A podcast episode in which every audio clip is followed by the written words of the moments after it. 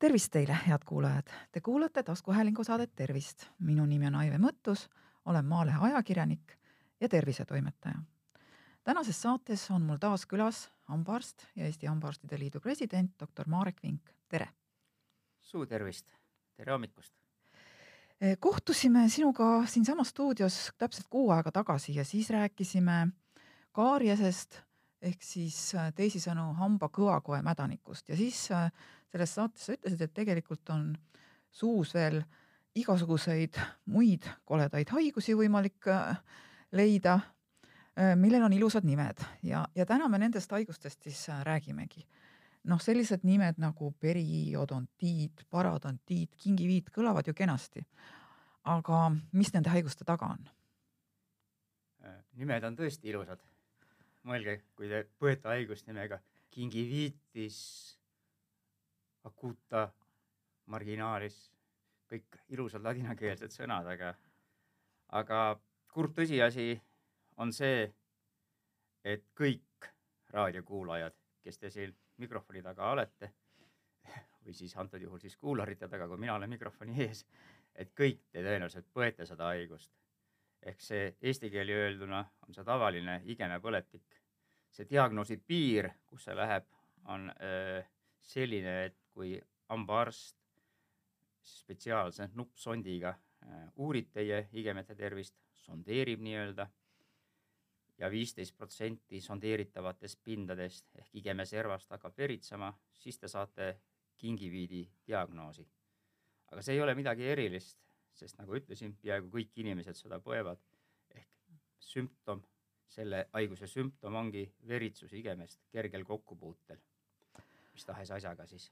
Aga mis, mis seda põhjustab ja kui see midagi erilist ei ole, miks see siis probleem on?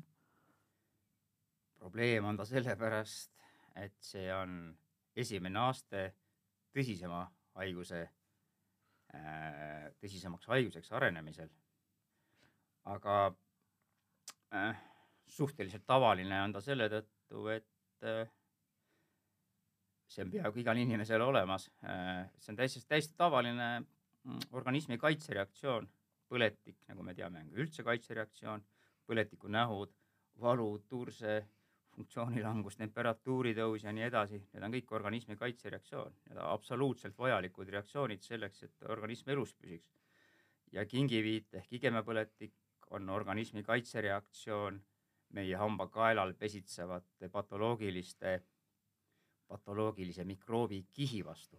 Me ei saa juba ammu rääkida konkreetsetest mikroobidest, vaid me peame rääkima biofilmist ehk siis biokilest ehk siis sellisest äh, mina ise kasutan hea meelega sõna bakteriühiskond, et see on, see on või õigem on isegi öelda, tänapäeval öeldakse mikrobioom kogu selle suu-õõne äh, mikroobiühiskonna kohta, et väiksed veresooned on teatavasti logistika need on antikehasid kohale transportivad äh, suured maanteed.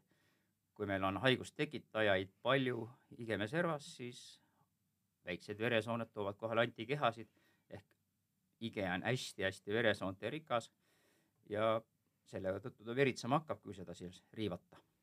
et väga-väga lihtne ja loogiline seletus, ma oma patsientidele olen proovinud seda seletada samapidi, et see on elementaarne logistika sõdurite kohale toomiseks, vaenlasega võitlemiseks ja siis nad saavad aru, et ohoh, ohoh, mis me nüüd tegema peame. Jutt, et ma liiga kõvasti hambaid harjan, eks, et see on sellega ümber lükatud, vaid, vaid kõik on vastupidi.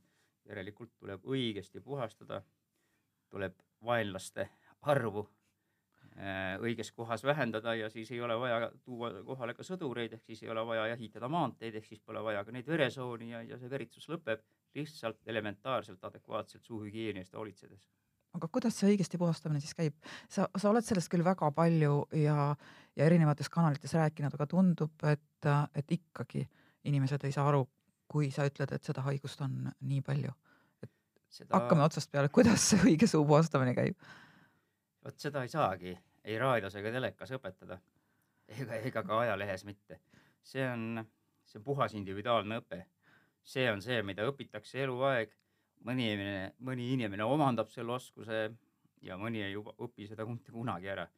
nii üllatav, kui see ka ei ole, siis inimesed ei pruugi üldse osata hambaid puhtaks pesta. see ei pruugi, sellega, seal ei ole tegemist haridustaseme ega, ega, ega loomuliku intelligentsiga, vaid, vaid inimeste õpitud harjumustega. käeline osavus äkki jah, ja ongi, õpitakse valesti omale mingi harjumus külge ja pärast ei, ei saada enam sellest aru, et hammaste pesemise põhimõte, kui hästi lihtsalt seletada, on hammaste kael igeme piirist allpool või selles igeme piiril äh, ära õhutada, aereerida, sinna tuleks õhuhapnikku kohale saada. Äh, mis see õhuhapnik Ige... teeb seal, tapab ära bakterid või? vot see ongi see küsimus, me räägime siin mikrobioomist, meil ei ole vaja kedagi ära tappa, see, see, see, see, see on täiesti vale lähenemine, et peseme hambad puhtaks, saame mikroobidest lahti. see olukord on võimatu, sest et see mikrobioom, see mikroobiühiskond meie sees, me elame sellega sümbioosis, see, see on hädavajalik osa meie organismist. kui inimesed ei tea, siis meie organismis on üks kuni kaks kilogrammi baktereid. See on, see on, see on osa meie organismist, neid bakterirakke on kümme korda rohkem kui inimese oma keharakke. no kuidas me saame neid siis endast kümme korda, kümme korda võimsama nagu eluka maha tappa või, või siis me sureme tegelikult ise ka ära, et ilma bakteriteta ei ole meil elu. et see küsimus ei ole bakterite arvu või bakterite äratapmises, vaid eh, mikroobiühiskonna eh, hambasõbralikuks või kui me täna räägime rohkem higemahaigustest, siis me räägime igemesõbralikuks kujundamises. haigust tekitavad anaeroobsed bakterid, anaeroobsed on siis bakterid, mis ei, ei talu eh, õhuhapnikku anaeroobsed bakterid on paksus biokiles, paksus biofilmis, ehk siis see biofilm kasvab nii paksuks, et siis hapnik sinna enam ligi ei tungi. ja muideks sinna ei tungi ligi ka äh, loputuslahused, kui keegi arvab ja, ja kulutab oma raha apteegis erinevate loputuslahuste ostmiseks, suuloputuslahused, et, et, et pidavat olema kasulik, siis, siis see on teaduslikult tõendatud, et läbi selle bakteri biokile äh, see loputuslahus ei, ei mõju. ehk ainukene vahend äh, ongi mehaaniline puhastamine.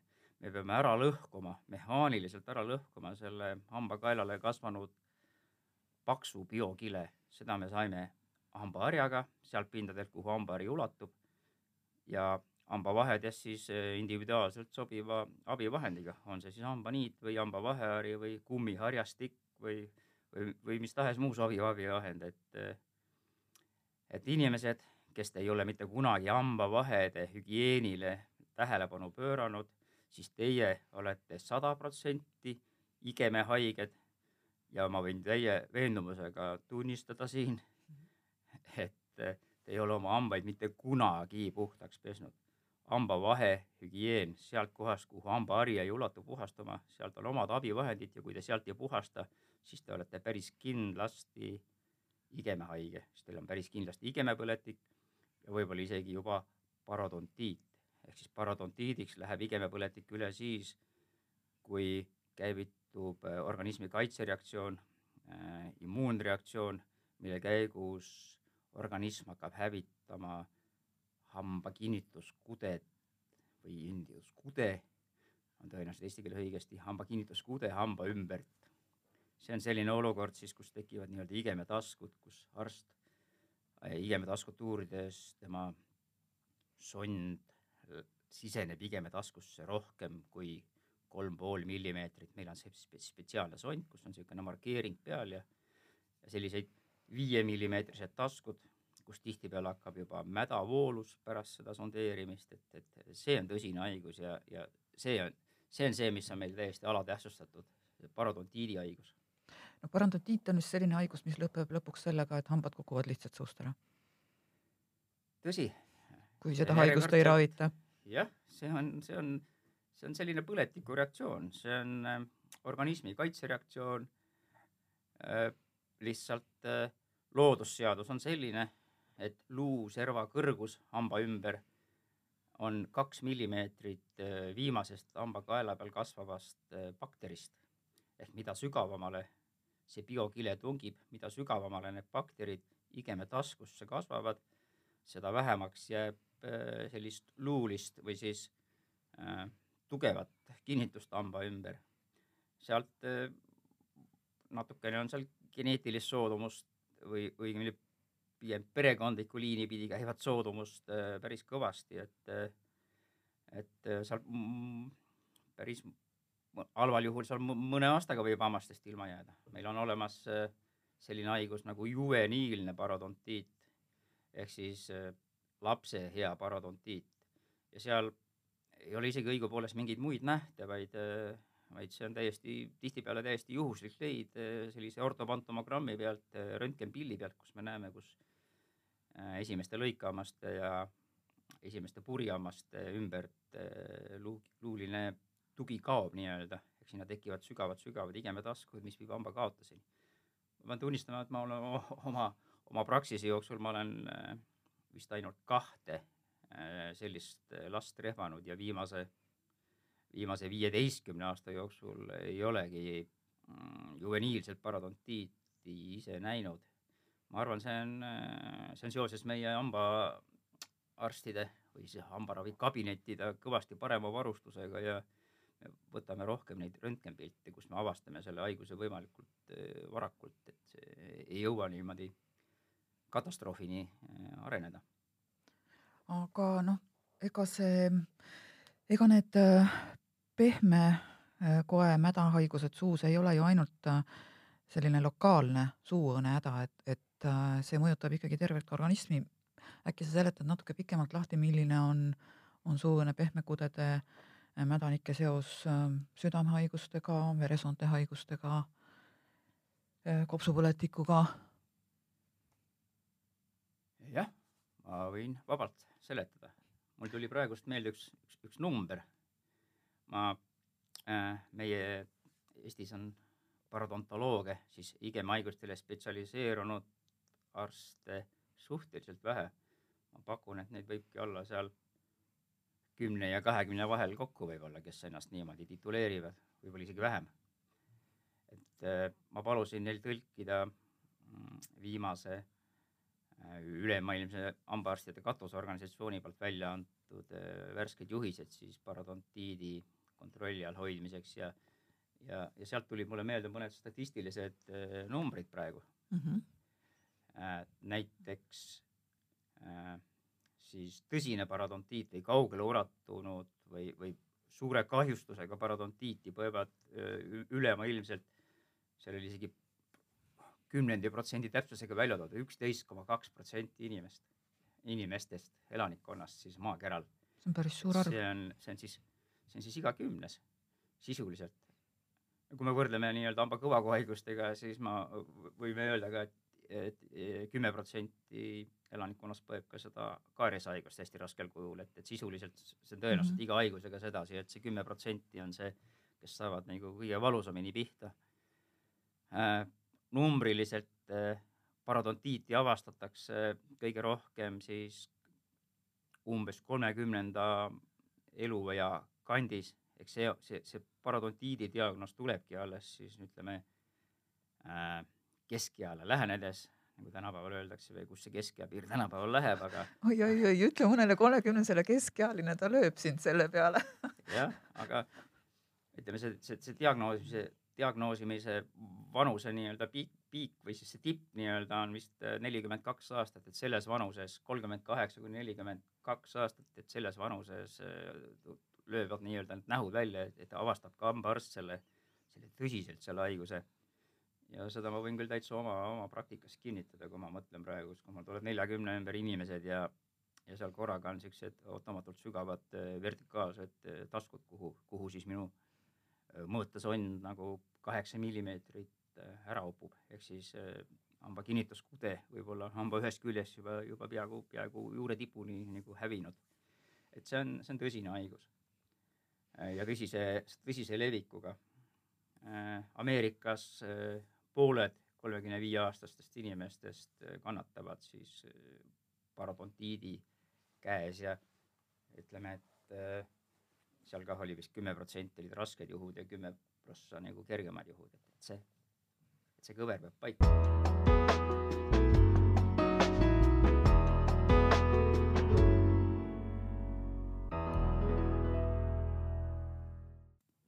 Aga lähme ikkagi sinna äh, nende süsteemsete haiguste juurde tagasi, et kuidas siis äh, äh, mõjutab äh, südamehaiguste kulgu või, või kas ta on võimeline neid lausa esile kutsuma? kas küsimusele tuleb vastata jah kuigi, kuigi kardioloogid selle üle võivad vaielda, sest et nende teadlikkus selle haigusega seostest on suhteliselt madal. ma või me, Hambaarstide Liit siis korraldab kaheksandal märtsil Tartus seminari või, või loengupäeva koostöös, tänavu koostöös perearstide seltsiga, kus me räägime südamest ja, ja, ja suust kui südameasjast. ehk siis meie, meie jutt suuresti käibki selle üle, kuidas see on omavahel seotud. Ma oma patsientidel olen proovinud seda asja suhteliselt lihtsustada, tuues nii-öelda biopesa näidet.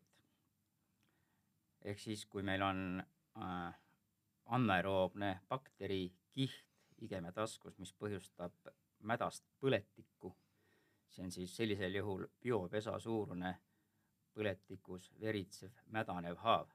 et kui keegi, kui kellelgi oleks selline haav eh, reie peal, näiteks selline biopesa suurune no, mäda eritav ja veritsev haav, ta läheks sellega EMO-sse. Aga, aga kurb tõsiasi on see, et, et meil põevad seda, täpseid uuringuid ei ole, aga, aga, aga ütleme üle keskea inimestest siis kakskümmend üheksa protsenti põevad seda, seda sellist, sellist haigust, siis biopesa suurust veritsevat mädanevat haava suus, mida me parodontiidiks nimetame, siis see on tõsine probleem ja on iseenesest loogiline ju, et kui see bakterite arv sellises igemetaskus on miljonikordne seal miljon korda rohkem bakterit kui terves igemes, nii-öelda adekvaatselt puhastatud äh, hamba ümber. et, et need bakterid satuvad vereringesse, seda nimetatakse baktereemiaks. Ja see on, see on tõsine, tõsine lugu, sest et ega vereringes muidu bakterid ringi ei käi.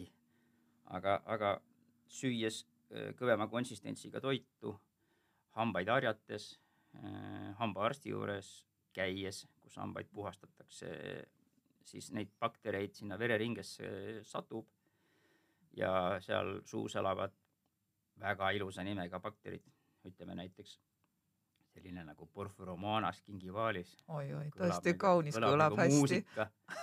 aga, aga tõsiasi on see, et äh, siis postmortem, siis ehk et pärast surma. ehk siis pärast surma lahangutel, kui avatakse pärgartereid nendes pärgarterites on siis aterosklerootilised naastud ja nendest naastudest, kui külvatakse välja bakterid, siis seesama Porphyromanos gingivalis on seal üsna tavaline leid. Ehk see on siis tõendus, otsene nii-öelda tõendus selle kohta, et suubakterid ja ateroskleroos on omavahel seotud otseselt siin samade bakterite kaudu. aga need bakterid siis kinnituvad samamoodi veresoone seentele ja, ja tekitavad seal omakorda põletikku. lisaks sellele, et meil on põletik suus, hamba kinnituskudades, selline biopesa suurune põletik, lisaks sellele tekib üle organismi endoteelirakkudes, siis veresoonte äh, sisekihi rakkudes selliseid põletikke ja, ja see kutsub esile mm, lubjastumist ehk siis aterosklerootilisi ja te teate ise, millega ateroskleroos lõpeb, eks see lõpeb siis äh, halvemal juhul infarktiga või ma ei tea, kas insult on vähem halvem juht, aga infarktile no, mõlemalt piisavalt halvad. ka insuldiga kolmandikul juhtudel kaasneb kohe esimese hooga surm, nii et. jah, et, et see avastati nagu kaks-kolmkümmend aastat tagasi, kui mina veel Soomes õppisin, siis hakkasid tulema esimesed doktoritööd, kus avastati, et insuldihaigetel on vähe hambaid suus, vähem hambaid suus kui tervetel võrreldes siis ja sealt edasi muudkui uuriti ja uuriti ja siis, siis jõutigi järeldusele, et eh, see parodontiidi tervis või siis parodondi tervis, hamba kinnituskudede tervis ja südame tervis, need on nagu seotud. tihtipeale on raske võtta seda, et kumb oli enne, kumb oli pärast, sest et selge see, et äh, kui südame-veresoonkonna haigused on, siis, siis on ka suus verevarustus häiritud ja, ja see sellega seoses nagu soodumus äh, suus samuti kahjustuste tekkimiseks on suurem, aga aga aga, aga tõenäosus, et, et selline põletik nagu te, tekitab kogu organismis sellise põletliku kaskaadi, mis, mis käitab organismi kogu, kogu, kogu organismi tasandil, et see on, see on täiesti, täiesti loogiline. see on siis ikkagi täiesti tõsine bakteriaalne põletik, mitte mingisugune noh, nali või, või midagi niisugust kergelt võetavat. jah, bakterid, bakterid on siin taustal kiiresti, aga, aga suuresti on see autoimmuunreaktsioon, et seal ei olegi, ma küll tõin ühe bakteri nime välja, aga tegelikult seal ei ole nagu spetsiifilist bakterit, tihtipeale süüdistatakse nii kaariashaiguse kui parodontiidi puhul, et oi nakkust, et muidu ma sain nakkuse ja nii edasi, aga aga tegelikkuses see nakkus saadaksegi juba suhteliselt ka sünnituskanalis, ehk see ongi perekondlikku liini pidi levivad ja meie olukord. Ja, ja meie mikrobioom, üleüldine mikrobioom, soolestikufloora, siis need, need on ka teatud tüüp ja, ja sellepärast see mikroobide mikroobide, mikroobikusel haiguse põhjustajad on, on kahtlemata nagu olulised, aga, aga klassifitseeritakse nii kaariashaigust kui seda parodontiiti tänasel päeval siis ühemõtteliselt. Krooniliseks haiguseks. Klassifikatsiooniga mitte nakkushaigus, see ei ole, see ei ole nakkuslik haigus, see on mikroobiühiskonna tasakaaluhäire. kaariashaigus kui see igemahaigus. On mikroobiühiskonna tasakaaluhäire. ühel juhul me nuumame suhu suhkrurikka dieediga, dieediga sellised happelist keskkonda põhjustavad bakterifloora suhu, sammaste mineraali tasakaal on häiritud teisel juhul äh, ebaadekvaatse, mina nimetan seda instrumentaalse hügieeniga siis, ehk siis äh, mitte õigesti hambaid puhastades, mitte õigesti hambaid puhastades kasvab suhu äh, selline paks biokile, mis põhjustab hamba kinnituskülede haigust, parodontiiti, mis on märksa tõsistama tagajärgedega kui see, kui see hamba kõvakudede haigus, sest et see mõjutab kogu organismi rääkisime siin baktereemiast, me rääkisime endoteeli või siis veresoone põlet-, veresoone seinapõletikust. Veel sada aastat tagasi räägiti täiesti tõsiselt fokaalinfektsioonist. Ehk siis juure tipupiirkonna põletikust. ehk siis kaaries jõuab nii kaugele, et hambanärvini, seitsekümmend protsenti juhtudel hambanärv läheb nekroosi või sureb ära sedasi, et ta isegi ei valuta. ja sealt need bakterid jõuavad juure tipupiirkonda, siis see tipupiirkonna põletik, periodontiitis apicaalis, nimi, apikaalne parodontiit, ehk siis sealtkaudu siis levivad samamoodi bakterid streptokoki baasil või streptokoki tüüpi bakterid enamasti südame klappideni näiteks ja põhjustades siis endokardiiti. see on suhteliselt haruldasem nähtus võrreldes siis parodontiidiga. seda nimetatakse fokaalinfektsiooniks või fokaalinfektsiooni teooriaks, see oli hästi popp sada aastat tagasi ja, ja USA-s ja, ja, ja, ja Suurbritannias viis hästi-hästi ulatusliku hammaste eemaldamiseni selle tõttu, et kardeti, et need hambajuuretipu põletikud põhjustavad siis inimeste surma ehk siis südamepõletikku. aga see teooria lükati viiekümnendatel siis ümber, sest et ei leitud ikkagi statistilist seost kaotatud hammaste ja või eemaldatud, et eemaldatud hammaste ja, ja südamehaiguse paranemise vahel, et siis vaatamata sellele, et kui me need hambad sealt suust eemaldasime, need nii-öelda surnud hambad või põletikus hambad, siis südame tervis sellest nagu paremusele ei, ei pööranud. et sellepärast lõpetati see massiivne hammaste eemaldamine. see on õnneks, et teadus nii palju arenes ja, ja tõesti enam hambaid lihtsalt äh, profülaktika mõttes äh, suust välja ei tõmmata. ja noh, õnneks on ka see, et, et neid äh, parodontiiti ja teisi äh, Äh, suu pehmekoe haigusi ju saab tegelikult ära hoida ja kui nad ka on tekkinud, siis neid saab äh, ravida, et nende käes ei pea kannatama. jah, see on hea uudis, et jah, see on hea uudis, et, et see on ravitav, see eeldab küll nagu, nagu ka kaariashaigus tihedat patsiendi koostööd, ehk siis hambaarst ei saa ravida kaariashaigust, sellepärast et haiguse põhjustega saab tegeleda ainult patsient ise. no sugar, no caries ehk siis eh, suhkru, suhkrudieedist eh, radikaalselt eh, vähendades ja harvem toitudes ja janu korral vett juues saab kaarieshaigust kontrollida. ja igemahaigust saab kontrollida sedasi, kui pärast professionaalset eh, hammaste puhastamist eh, patsient eh, võtab siis kodus kasutusele. neid abivahendeid oma hammaste vahehügieeni eh, tagamiseks. ehk siis eh, põhimõtteliselt täiesti käeline osavus on see, õige hammaste puhastamine, see polegi vist käeline osavus, kuivõrd minu meelest rohkem see teadlikkuse küsimus, et inimene peab aru saama, et kuskohast ta neid hambaid peseb. inimesed kardavad hammaste veritsemist, või siis mitte hammastega, siis igemete veritsemist ja kui igemest hakkavad verd tulema, siis nad ei julge rohkem harjata, arvavad, et alles ennast vigastanud. aga nagu seletasin alguses, siis see on lihtsalt logistika, väiksed veresooned igemes toovad kohale antikehasid. ja need antikehasid kohale toovate veresoonte arv ei saa mitte kuidagi väheneda, kui me ei põhjusta või ei kõrvalda seda põhjustajat, ehk seda bakterikihti seal, ei kasvata sinna igemesõbralikku bakterit. mehaaniline puhastamine igeme vaost, vao põhjast, igeme taskust. On see, on see asi, mis aitab seda haigust kontrolli alla võtta aga, aga lohutuseks või kurvastuseks nii palju võib kohe öelda, et see on pöördumatu kahjustus. juhul, kui luuline kahjustus või kui luu kõrgus on vähenenud hamba ümbert, siis see tagasi enamasti ei kasva. ehk siis tuleb leppida sellega, et ige paranedes nii-öelda kootub, ehk see igeme tasku madaldub jälle normaalseks niimoodi kahe, pooleteist kuni kolme millimeetriseks meie, meie sondi jaoks sealt, sealt, sealt, sealt ulatub siis inimene kodus hügieenivahenditega neid hambaid puhastama, see lihtsalt stabiliseerub ja ei lähe hullemaks, aga nii-öelda tervenemist. parodontiidi haigusest tänapäevases mõistes ei ole. kui inimene on parodontiidi haige, siis ta on parodontiidi haige elu lõpuni ehk ta vajab erihoolitsust. inimesed tihtipeale arvavad, et oh, ma käisin hambaarsti juures, lasin kivi ära eemaldada ja nüüd mul on kõik korras. no ei ole korras, mitte kuskilt pole korras. see on eluaegne haigus, sellega peab võitlema eluaeg, seda tuleb kontrollida kogu elukaare jooksul edaspidi.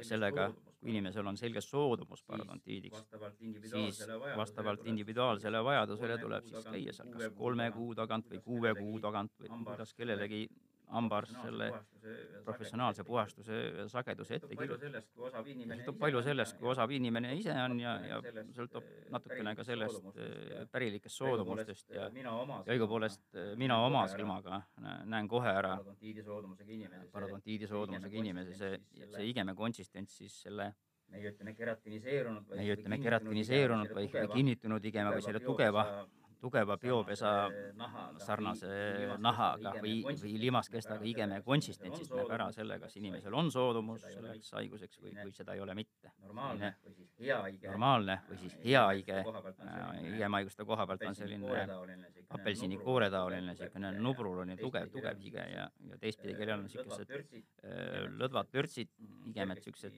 mm, kergesti, kergesti liikuv hige, et need, need on kõik on äh, nagu riskipatsiendid. küllap küll hambaarst oskab seda. küll, küll hambaarst oskab seda, seda öelda ja seda hamba, seda, seda haigust saab kontrollida, aga see eeldab koostööd, tihedat koostööd. patsiendiga ja patsient peab ikkagi olema ise äärmiselt osav. Muretsema omale näiteks elektrilise hambaharja ja, ja kindlasti sobivad abivahendeid hammaste vahele. seda võin ma küll kinnitada omast käest, et mina juba üks viis aastat või rohkem isegi kasutan elektrilist hambaharja ja see on tõesti suurepärane, suurepärane vahend. ja mul on äh, tegelikult ka väga hea meel, et sa oled nõus äh, siia saatesse olnud tulema ja rääkima nendest asjadest, sest nii põhjalikult, nagu sa seda praegu siin teed, kõik kuulajad saavad seda saadet neile sobival ajahetkel aina kuulata ja kuulata veel kord ja veel kord. Äh, noh, hambaarsti juures tavaliselt sellist aega ei ole, et hambaarst nii palju inimesega räägiks, nagu sina seda praegu teed. see on, see on kõva probleem, tõsine see on probleem. kõva probleem, tõsine probleem, sellepärast et äh,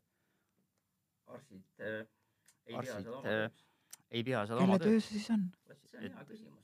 vot see on hea küsimus, see peaks olema riigi töö. ütleme nii, meil on moes praegust, ise pean ka siin poliitikat natuke ajanda, ajama ja, ja poliitika kujundajaid mõjutama, siis ma proovingi neile selgeks teha, et see on, see on riigi asi selliste asjade eest et see hakkab muretseda. sellest pihta, et see hakkab sellest pihta, et seda rääkima ei ole, kes sellest rääkima peaks, no sest et äh, no et selle tõttu, et, et, selle tõttu, et, et ei ole seda kellelegi delegeerida, pean mina seda juttu ise rääkima. äh, aga paljud äh, hambaarstid ei, ei, ei ei, ei, ei hooli isegi või ei, ei puhasta isegi patsientide hambaid, siis saadavad nad kohe edasi hügienistile. aga neid hügieniste Eestis on täpselt, ma ei tea, mitu tükki alla kolmekümne. ma ei tea, mitu tükki alla kolmekümne. äh, ehk siis äh, suuremas plaanis.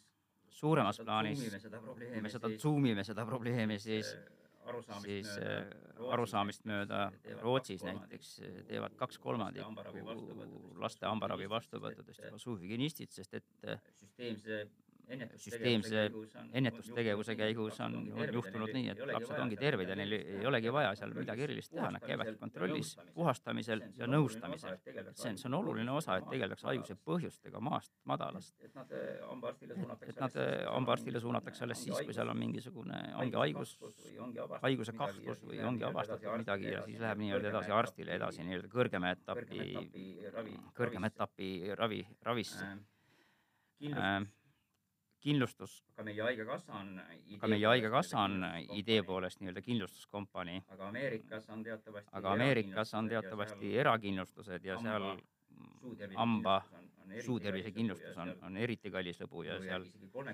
kuulu järgi isegi kolmekümne protsendil elanikkonnast ei olegi sellist aga need kindlustust. kindlustuskompaniid aga need kindlustuskompaniid, mismoodi nad oma kulusid kontrollivad, on just seesama asi, ehk nad kohustavad patsienti käima vähemalt, no sõltuvalt riskist. vähemalt, no sõltuvalt riskist, aga siis ütleme keskmiselt üks-kaks korda aastas suuhygienisti vastuvõtul, kes viib läbi needsamad ennetava raviprotseduuri.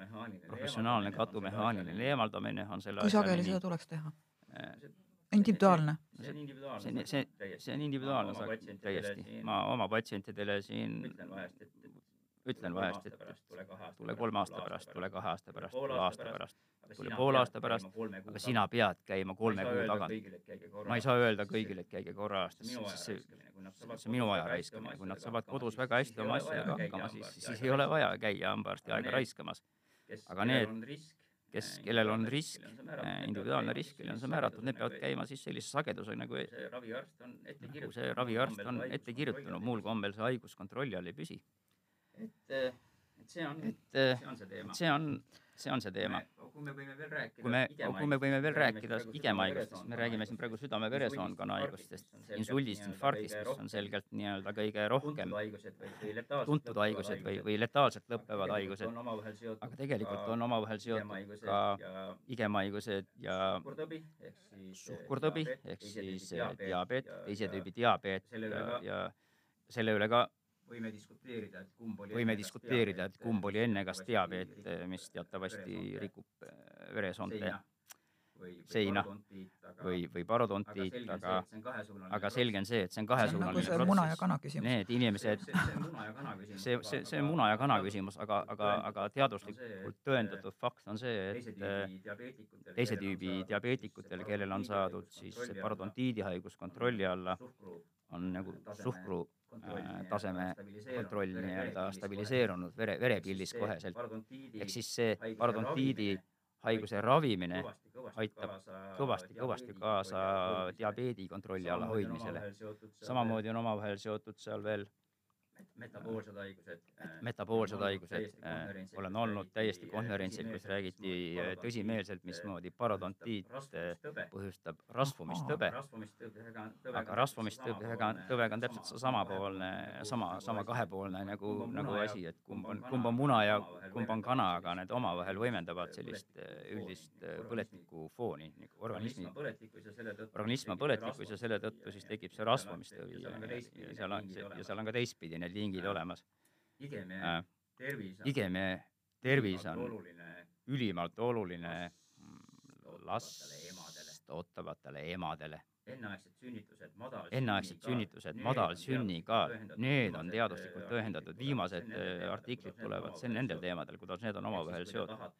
ehk siis, kui te tahate sünnitada terve lapse õigeaegselt, õigel ajal, siis, siis jumala eest, käige hambaarsti juures ja ja olge kindlad, et ka teie olge kindlad, et ka teie igemahaigustega tegeletakse, sest et meie, meie, meie tervishoiu rahastamissüsteem tegeleb suuresti tagajärgedega ja, ja tagajärgede avastamine on ikka ülimalt, siis on juba, juba tihtipeale hilja.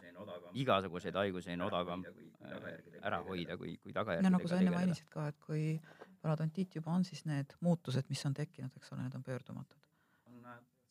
pöördumatud on nad siis hambatugipudede ümber, aga eks üldorganismis tervis saab paremaks minna, kui on äh, biopesa suurune no selle saab ikka ära ravida. nii-öelda äh, kontrolli all.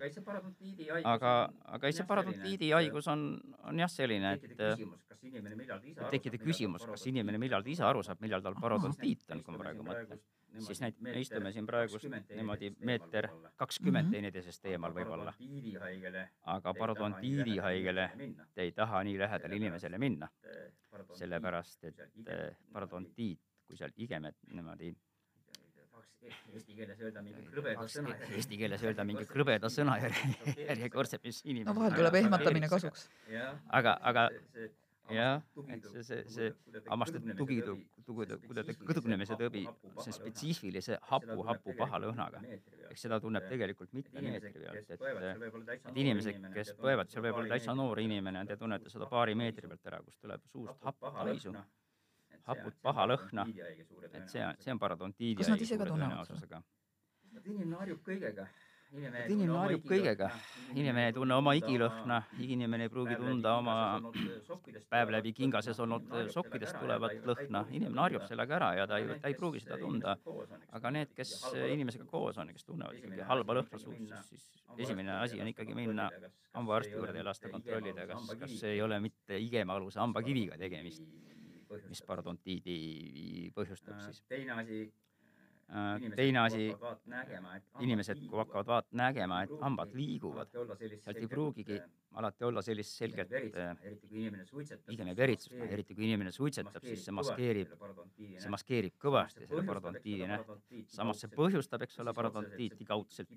või siis otseselt see kipub keratiniseerima seda limaskest ja see organismi isepuhastamisvõime nii-öelda selline pinnakiht igemetest irdub päeva jooksul mitu korda, mis, mis nii-öelda puhastab neid igemeid, et see on häiritud ja selle tõttu suitsetajatel on kõvasti-kõvasti rohkem parodontiiti. ja täitsa noortel inimestel viib see hammaste kaotuseni, olen, olen täitsa näinud selliseid asju. aga siis äh, suitsetamine on kahtlemata riskitegur, aga suitsetamine on kahtlemata riskitegur, aga mm. rääkisime enne millest mul ei tulegi meelde enam, millest me rääkisime.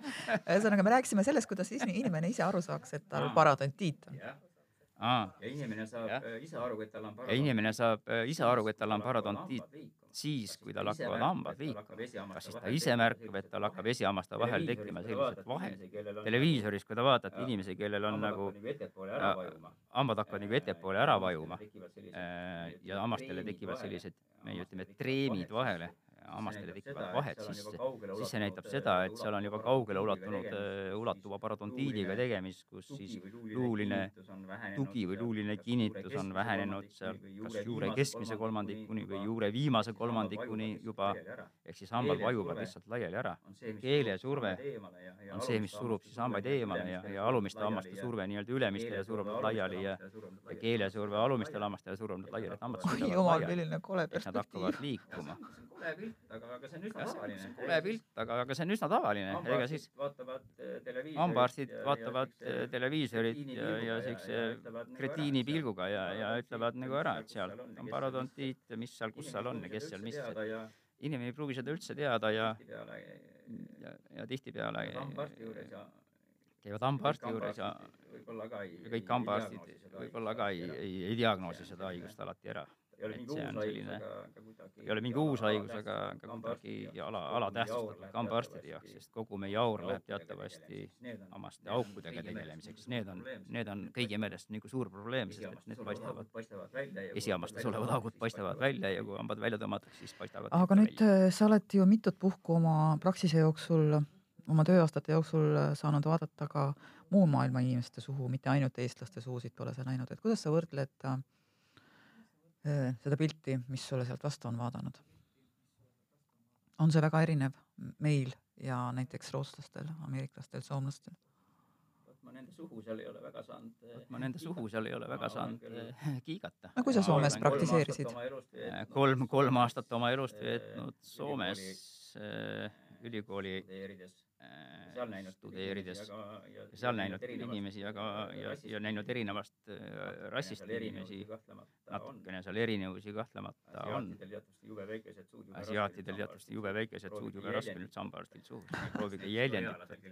näiteks, näiteks korealasel, kellel on hästi pisike suu, lusikas ei mahu lihtsalt suhu või? ma mõtlesin just ole-, ma mõtlesin Aga ei, just ei, selle seal ei koha ole pealt, selles et mõttes- milline see suuhügieen on. Kas meil on eriliselt halb suuhügieen eestlastel? ega ma, ma ei usu, et see niimoodi on. ma ei usu, et see niimoodi on.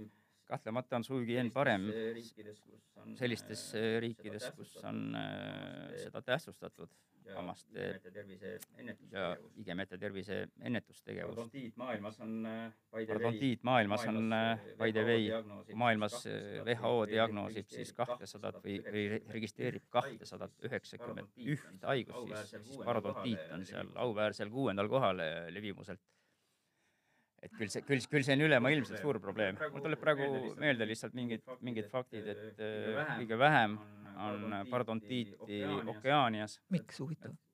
eks nad söövad tugevat toitu ja see looduslikult taimset toitu toitu, ma ei teagi täpselt, aga, aga ma kujutan ette, et sisepuhastamine normaalsetes olukordades on õige ja nad tõenäoliselt söövad vähem sellist äh, tänapäeva tsiviliseeritud ühiskonnaga kaasas käivat pehmet toitu, mis sisepuhastamine on häiritud. kui me järgi mõtleme, ka hammaste puhastamine on tõesti nagu ebavajalik tegevus, üks orangutan hambaid ei puhasta ja, ja nendel on olukord äh, terve.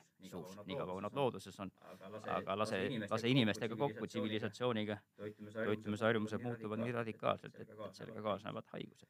ja kõige suurem on parodontiidi levimus, levimus, ma tean, et lõuna, Lõuna-Ameerika Lõuna-Ameerika mandril, seal on see üle kahekümne protsendi isegi, iga viies põeb sellist, sellist soodumust. seal võib olla, et on ka geneetiline soodumus seal rassiga kuidagi, võib-olla et indiaanlaste veres on veres on, on seda soodumust natukene, natukene rohkem. aga, aga ma täpselt ei tea, ma tean neid numbreid lihtsalt, aga, aga Euroopas on see, on see on see kahtlemata probleem. probleem küll, sest, sest seda nimetatakse hiilivaks epideemiaks, sest inimesed tegelikult ise ei tea, et nad seda haigust põevad. ja ma pean oma, oma vastuvõtulgi äh, eriti suitsetavate patsientide puhul, sealt, sealt see ige ei reageeri vastavalt, maskeerib seda haigust, et sealt näeme, näemegi nagu röntgenpilli pealt, et ohoh, et siit on läinud. ja see võib äkki tulla, see võib, see tuleb keskeale liginevatel inimestel, see tuleb, see tuleb äkki. samba pind on nõgus, üks päev tõmbasin just ortodontilistel näidustustel ühe eespurihamba välja, neljanda hamba siis eh, gestioonist loetuna noorel inimesel ja tõmban hamba välja ja, ja saingi omale ilusa õppematerjali. täpselt, et kujutame ette, et kui see hammas on nii-öelda kahe juurega, ehk siis kui me ta läbi lõikame keskkoha pealt, siis see läbilõige on umbes nagu kaheksakujuline, selline, saa pilti näidata, aga siis kujutate ette, et kui te hambaid pesete eest ja tagantkyljest hambaharisele võimaldab. ja hambavahet niiditate, ehk siis tõmbate niidiga nii-öelda hamba vahest läbi ja arvate, et, et hambad on nüüd puhtad, siis tegelikult ei ole, see on see nõgus koht, see on nagu nagu kahe juure vahel on nagu selline nagu, nagu kannikavahe, niisugune nõgus pind jääb sinna sisse, kuhu hambaniit lihtsalt üle libiseb. ehk siis te ei saa isegi hambaniidiga hambaid korralikult puhtaks. see eeldab professionaali juures käimist, kellel on konksud ja, ja instrumendid ka nii-öelda niidi jaoks negatiivsete pindade pealt hammaste puhastamiseks ja, ja sellisel juhul normaalne hambaarst soovitab hambaid torkida ka juba. täis, täisealine inimene, üle kahekümne aastane inimene peab kindlasti hambaid hakkama puhastama ka sellise hambavahe tikuga. tänapäeval on sellised plastmassbaasi peal kummiharjas tikud, mis on nagu suhteliselt sõbralikud. nagu hambakaeltel, siis traadi peal harjad kipuvad hambakaela kulutama, kui ruumi pole väga, aga sellised plastmassbaasi peal on suhteliselt pehmed ja sõbralikud, et siuksed harjastikud peavad olema, mis ka nurga tagant puhastatud. kujutad ette korstnapühkijat, kes laseks nagu ainult mm, ma ei tea, sirge trossi mööda lõõri alla, lõõri alla, ilma et ilma et tal oleks seal nagu neid harjaseid, harjaseid, mis nurga nagu tagant nurga tagant puhastavad, siis, siis sama tegevus. sama tegevus, et hambaid puhtaks saada, on, on tõsine kunst. seal on vaja professionaalset õpetust, professionaalset ravi ja, ja see, ja see õpe on kogu elukaare jooksul. ma pean tunnistama, mul on päris mitu patsienti, kes ei saanud hambaid puhtaks, ei saanud ega saanud ja mõni aasta on läinud aega ja nüüd saavad ja nüüd käivadki nii, et mul jääb üle, ja mul jääb üle ainult imestada, et, et kust see motivatsioon või stiimul korraga on tekkinud, et korraga saadakse siis eh, hambad, hambad nii puhtaks, nii puhtaks, et mul pole tõesti mitte midagi teha. no aga siis ei ole asi üldse lootusetu, siis me saame ennast tegelikult kõik kätte võtta, sest et noh, orangutangideks me ei hakka. tsivilisatsiooni eest meil ära joosta pole tegelikult sisuliselt võimalik. ainus võimalus on oma hammaste eest korralikult hoolitseda ja suu tervise eest. jah, jah, ainus, see on, see on suurepärane. kokkuvõte sellele asjale, aga, aga, aga see on, jah, jah, niimoodi on. niimoodi on. aga ma ütlen aga ma ütlen veel ükskord, et ma olen proovinud seda riigisadele maha müüa seda ideed, ehk me peaks tegelema proaktiivse raviga. ma ei väsi, ma ei väsi seda kordamast, aga, aga see, nende vastus, nende vastus on alati see, et kui inimene on juba haige, et siis tuleb tegeleda äh, selle augu parandamisega. aga tegelikult ei ole nii. hambaravitsükkel on, on lõputu. niikaua, kui me tegeleme hambaravi, hambaravist tagajärgede, tagajärgedega, pelgalt tagajärgedega, ilma et riik soodustaks äh, nii-öelda proaktiivset tegevust, ennetavaid tegevusi, haiguste varajast äh, avastamist, niikaua ma siin suurt paranemise ruumi ei jää. Ja, ja meil on vaja neid, me nüüd saame tegelikult käivitatud esimest korda Eestis ametlikult tervishoiu kõrgkoolis hambaravi assistentide õppe. sinna külge me tahaksime saada sellise mooduli, mis äh, muudaks nad nii-öelda või saaks neid nimetada hügieeniassistentideks, et me ühel hetkel võib-olla saame ka nii-öelda meditsiinilise personaalia, kes tegeleks rohkem siis sellise suuõõnehaiguste ennetamisega ja, ja tervise edendamisega, et suuhügieniste meil kahjuks koolitada, suuhügieniste koolitus käivitada ei õnnestu, sest et äh, ei ole see riik nii rikas, et jaksaks kolm-neli aastat inimest koolitada, kes pärast suure tõenäosusega äh, välismaale tööle läheb või ma ei tea, mida, mida kardetakse, igatahes seda poliitilist huvi ei, ei ole no aga jääb siis ainult loota, kuna valimiste mm, aeg on ju käes ja lisaks sellele, et poliitikud ise igal pool esinevad, käivad, esinemas käivad, loodame, et nad kuulavad ka meie saadet ja saavad siit siis äh, mõned tarkused ära selle kohta, kuidas äh, tervishoiupoliitikat Eestis peaks ajama. jah, see on õige. lihtsalt ma, ma kujutan ette, et enamus inimesi elavad Tallinnas ja, ja Hambaarstide Liit on pidanud sellist tabelit, kui kättesaadav on see riigi poolt kehtestatud riiklik hambaravitoetus, siis me võime ikkagi öelda, et kolmele neljandikule Tallinna elanikest see kättesaadav ei ole. suuremad kliinikud sellistel tingimustel Haigekassaga lepingut tegema ei, ei soostu ja mille tõttu ei ole ka see hambaravihüvitis tegelikkuses kättesaadav. kuigi see üksteist koma kaks miljonit eurot, üheksakümmend neli protsenti eelarvest suudeti eelmine aasta ära kulutada siis minu isiklik arvamus on, et see raha kulus ikkagi nendele inimestele ära, kes ka niisama hambaarsti juures käivad, nemad said siis hea õnne korral, kui nad sattusid hambaarsti juurde, kellel see leping olemas on, said oma aastas nelikümmend eurot säästetud, kuid, kuid paljudele nendele, sellele riskigrupi inimestele, kellele neljakümne eurone omaosalus on selgelt liiga suur, et riskigrupi inimestele see oluliselt kättesaadavamaks seda asja ei tee et meie ettepanek poliitikutele on ikkagi see riiklikult kehtestatud kunstlikud hinnad ära lõpetada ja, ja anda inimestele valik arsti vaba või arsti arsti valikuks, et, et raha peaks liikuma koos patsiendiga. kõigi poliitiliste erakonda, kellega me nüüd rääkinud oleme, siis kõik seda on suuliselt lubanud, aga, aga, aga saab näha, mida, mida toovad kolmanda märtsi loosimised, et no aga siis ongi, ongi jah, loodame kõige paremat ja siis ongi meil hea sinuga jälle siinsamas laua taga rääkida vast pärast kolmandat märtsi, kui on selgunud äh,, millise Riigikogu ja millise valitsuse me saame, et siis äh, vaadata, kuidas nad hakkavad äh, tervisepoliitikat ajama.